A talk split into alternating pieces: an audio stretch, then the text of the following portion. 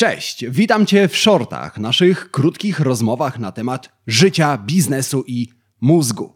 To jest odcinek 17, a dziś przychodzę do Ciebie z pewną historią, która kilka dni temu przydarzyła mi się. I z dwoma lekcjami marketingu, które płyną z tej historii. Zaczynajmy.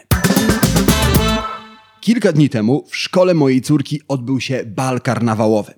Na bal wypożyczyliśmy strój. Strój naturalnie po dwóch dniach musieliśmy zwrócić.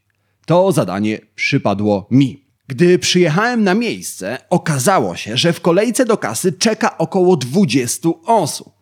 Jedni chcieli wypożyczyć stroje, inni, tak jak ja, chcieli je zwrócić. I nie było w tym nic dziwnego, ponieważ to była jedyna wypożyczalnia strojów karnawałowych w promieniu około 20 kilometrów. Wypożyczając strój, należało zapłacić niewielką kaucję, w razie gdyby strój się porwał albo poplamił. Zwracając strój, ekspedientka zwracała kaucję.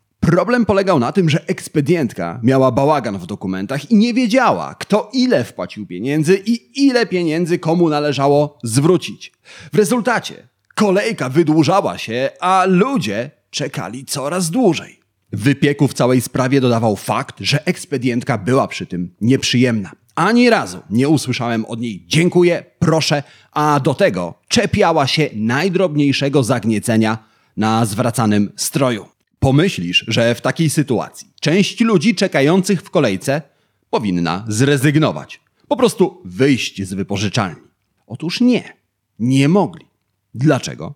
Ponieważ przypominam ci, że to była jedyna wypożyczalnia strojów karnawałowych w promieniu dwudziestu kilku kilometrów. Wobec czego ludzie cierpliwie czekali na swoją kolej, wypożyczali, płacili i dziękowali. Z tej historii płyną dwie lekcje. Po pierwsze, jeżeli jesteś jedynym na rynku, nigdy nie będziesz narzekać na brak klientów. Poza tym, konsumenci będą gotowi ci więcej wybaczyć. I absolutnie nie namawiam cię, żebyś był dla nich niemiły. Chcę jednak, żebyś zrozumiał, że gdy jesteś jedyny, konsumenci wybaczą ci drobne niedoskonałości.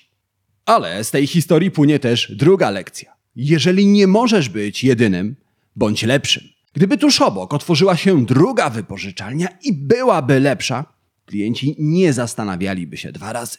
I z tymi dwiema myślami zostawiam cię dziś. Bądź jedyny. A jeżeli nie możesz być jedyny, stań się lepszy.